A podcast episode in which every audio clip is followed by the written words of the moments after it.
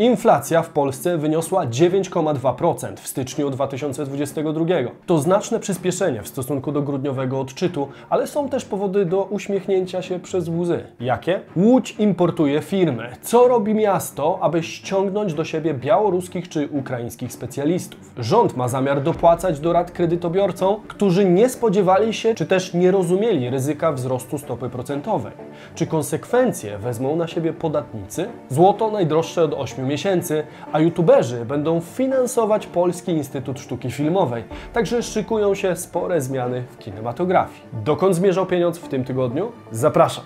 Bizweek. Cotygodniowy przegląd świata biznesu i finansów. Cześć, tutaj Damian Olszewski i witam Was serdecznie w programie Praktycznie o Pieniądzach i informacyjnej serii Bizweek. Trochę w tym tygodniu się działo, więc zaczynajmy.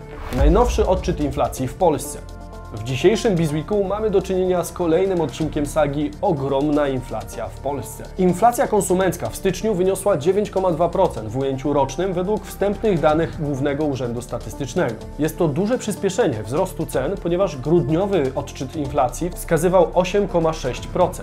Styczniowa inflacja to najwyższy odczyt od ponad 21 lat. Jednakże tym razem dane o inflacji były pozytywnym zaskoczeniem. Wiem, że w tej sytuacji to brzmi dosyć irracjonalnie, jednak że niektórzy eksperci spodziewali się dwucyfrowego wzrostu inflacji, więc to i tak najmniejszy wymiar kary. Analitycy PKO BP skomentowali dane krótko. Miłe rozczarowanie. Z kolei eksperci PKO SA przypomnieli, że to pierwsze od czerwca zaskoczenie na minus w kwestii inflacji. Czy zbliżamy się powoli do końca tej sagi? Ekonomiści ING Banku Śląskiego prognozują wyhamowanie inflacji w lutym do 9%, co będzie wynikać m.in. z obniżki VAT-u na żywność oraz z obniżki cen paliw. Jednocześnie ING zapowiada, że jeżeli zgodnie z dotychczasową zapowiedzią rządowe tarcze dotyczące cen żywności i nośników energii będą obowiązywać do końca lipca, to w sierpniu inflacja może osiągnąć kolejny lokalny szczyt na poziomie około 10,5-10,6%. Wszystko wskazuje na to, że z szalejącą drożyzną będziemy musieli walczyć dłużej niż spodziewali się eksperci. Z kolei tarcze mogą okazać się bombą z opóźnionym zapłonem.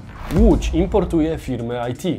Do Polski przyjeżdża coraz więcej wykształconych specjalistów z Białorusi i Ukrainy. Tak zwany drenaż mózgów jest pozytywnym zjawiskiem dla naszej gospodarki, ponieważ potrzebujemy rąk do pracy w przypadku zawodów nisko wykwalifikowanych, ale i również po części w przypadku zawodów, które wymagają specjalistycznego wykształcenia. To jest to, o czym Wam wspominałem w poprzednich odcinkach. Struktura rynku pracy w Polsce z racji geopolitycznych przetasowań znacznie się zmieni, a na ulicy będziemy słyszeć więcej języka białoruskiego, rosyjskiego i ukraińskiego. Zwłaszcza tego ostatniego, jeśli dojdzie do eskalacji konfliktu na wschodzie. Oczywiście nie mamy kryształowej kuli, ale konsekwencje wielu wydarzeń dla rynku z perspektywy biznesu i przepływu pieniężnego da się przewidzieć. Jeśli chcecie, abym o nich informował, to dajcie znać w komentarzu hasłem Bizon wyprzedza rynek. Ukraiński Infopuls przenosi kilkaset pracowników wraz z rodzinami do Łodzi. Warto tutaj zaznaczyć, że jest to trzecia co do wielkości firma informatyczna na Ukrainie, założona w 1991 roku,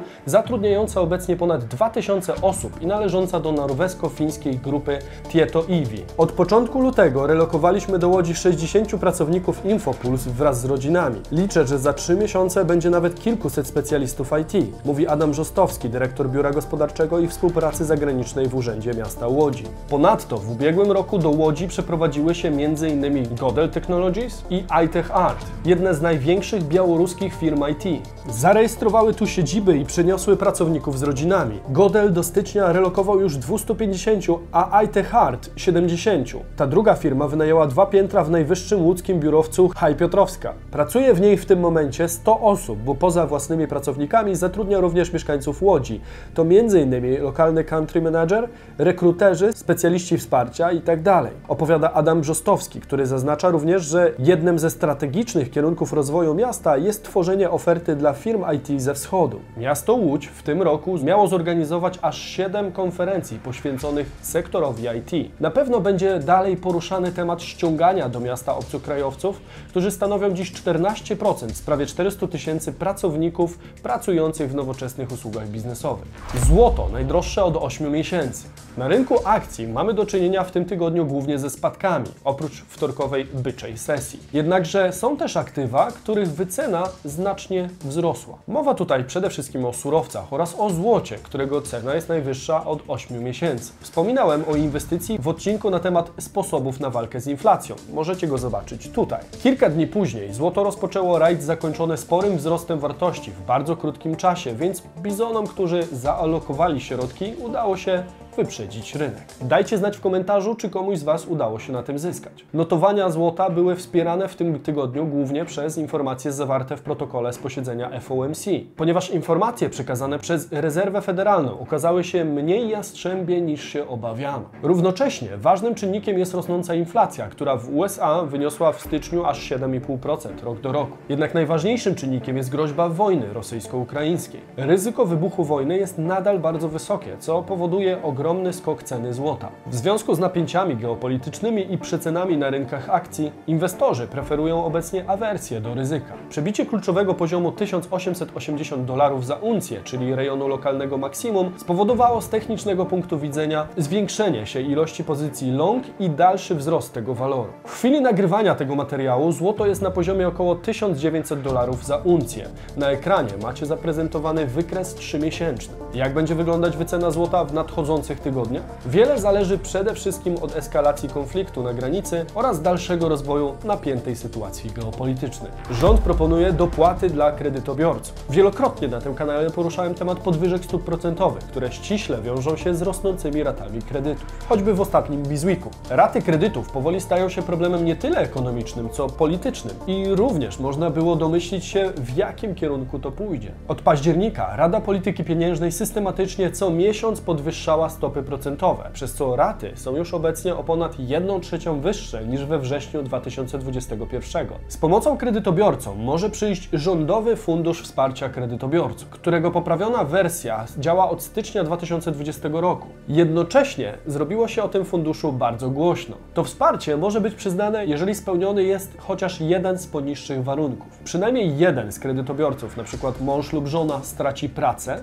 rata kredytu przekracza połowę dochodu gospodarczego gospodarstwa domowego, dochód po potrąceniu raty nie przekracza 1402 zł w przypadku singli lub 1056 zł na osobę w przypadku wieloosobowych gospodarstw domowych. Ponadto istnieją warunki ograniczające, z których wynika, że ze wsparcia nie można skorzystać, jeśli ma się więcej niż jedno mieszkanie lub dom. Utrata pracy wynika ze zwolnienia bez wypowiedzenia z winy pracownika albo pracownik sam złożył wypowiedzenie. Wsparcie będzie mogło być maksymalnie na poziomie 72 2000 zł, które można otrzymać na okres maksymalnie 3 lat w wysokości nie większej niż 2000 zł miesięcznie. To rozwiązanie ma bardzo wiele zalet dla potencjalnych beneficjentów. Pożyczka w ramach funduszu jest nieoprocentowana, co jest bardzo korzystne w obliczu obecnej inflacji. Ponadto obowiązują 2 lata karencji w spłacie, a w przypadku sumiennego spłacania pożyczki przez 100 miesięcy możliwe jest umorzenie pozostałych rat, co oznacza, że 22 tysięcy nie trzeba będzie spłacać. Ponadto warto wiedzieć, że są dwa zagadnienia mogące zmienić nieco sytuację. Okres przekazywania pożyczki może być krótszy, jeżeli przed 36 miesiącem wystąpią przesłanki wykluczające otrzymanie wsparcia. Na przykład kredytobiorca znalazł zatrudnienie, a posiadanie statusu osoby bezrobotnej było warunkiem otrzymania wsparcia. Kwota ustalana jest indywidualnie w zależności od wysokości miesięcznej raty kredytu mieszkaniowego, lecz nie może być wyższa niż 2000 zł miesięcznie. W celu uzyskania pomocy z Funduszu Wsparcia Kredytobiorców należy zgłosić się do banku, w którym spłaca się kredyt i złożyć odpowiedni wniosek. Duża część z Was, drodzy widzowie, mogła nie słyszeć o takim rozwiązaniu. Na tym kanale rozmawiamy praktycznie o pieniądzach, a ten news zdecydowanie nadaje się do tego nurtu. Jestem ciekaw Waszej opinii na temat tego funduszu. Czy jest on faktycznie potrzebny? Czy kredytobiorcy powinni ponieść konsekwencje w związku z ryzykiem podwyżki rat kredytu? Dajcie znać, co sądzicie. Podatek od youtuberów. Ostatni news dotyczy kontrowersyjnego głoszenia Krajowej Rady Radiofonii i Telewizji, według której istnieje obowiązek zgłoszenia o-wpis do wykazu dla dostawców WSP i VOD. Do wykazu muszą się wpisać wszyscy twórcy YouTube'owi, którzy zarabiają na takiej działalności. Skutkuje to tym, że YouTuberzy będą musieli odprowadzać 1,5% podatek od VOD.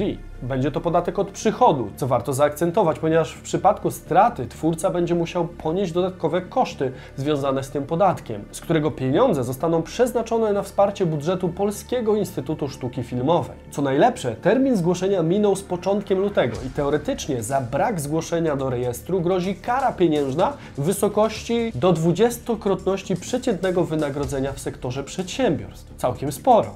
Według doniesień portalu wirtualnemedia.pl nadal trwają konsultacje rynku z przewodniczącym KRRIT. Ponadto branża wskazuje, że nowy obowiązek dotknie nawet kilkudziesięciu tysięcy osób. Wywiadu serwisowi Wirtualne Media udzielił Marek Myścicki, szef grupy roboczej influencer marketingu przy IAB Polska. Liczymy też na to, iż do tego czasu KRRIT powstrzyma się od kontroli wobec tych kanałów, które takiej rejestracji nie dokonały. Nie chcę ujawniać treści naszego spotkania, ale wierzę, że KRRIT również ma świadomość niedoskonałości istniejących przepisów, dlatego też liczymy na dialog, wzajemne zrozumienie naszych potrzeb w rozwiązaniu kwestii rejestracji oraz obowiązków wynikających z tego dla twórców treści wideo. Czy nie wydaje Wam się dziwne, że nie ma jeszcze bardzo dokładnych i konkretnych zapisów, a deadline na zgłoszenie już dawno minął? Co z osobami, które się zadeklarowały, a nie powinny oraz z tymi, którzy zrobili na odwrót? Poza tym, co my w ogóle mamy wspólnego z VOD i sztuką filmową, na którą mamy się teraz składać? Ktoś powie, że 1,5% to niewiele. No dobrze, ale tu nie chodzi nawet o kwotę, tylko o łatanie dziur w budżecie w poszczególnych częściach państwa za pomocą coraz bardziej irracjonalnych pomysłów. Dzisiaj dotyka to jednej branży, a jutro dotknie drugiej. Jeśli władze pozostaną przy tej decyzji, to z czystej ciekawości podliczę Wam, w jakim stopniu youtuberzy w Polsce sponsorują Polski Instytut Sztuki Filmowej. Może warto byłoby go w takim razie sprywatyzować i podzielić na udziały. Jeśli chcecie poznać dalsze losy tej i innych historii gospodarczo-finansowych, to wystarczy subskrybować kanał tutaj. Mówił Damian Olszewski, a to był Bizweek, Wasz cotygodniowy przegląd świata biznesu i finansów. Do zobaczenia w sobotę i niedzielę o 15, a w środę o 17. Cześć!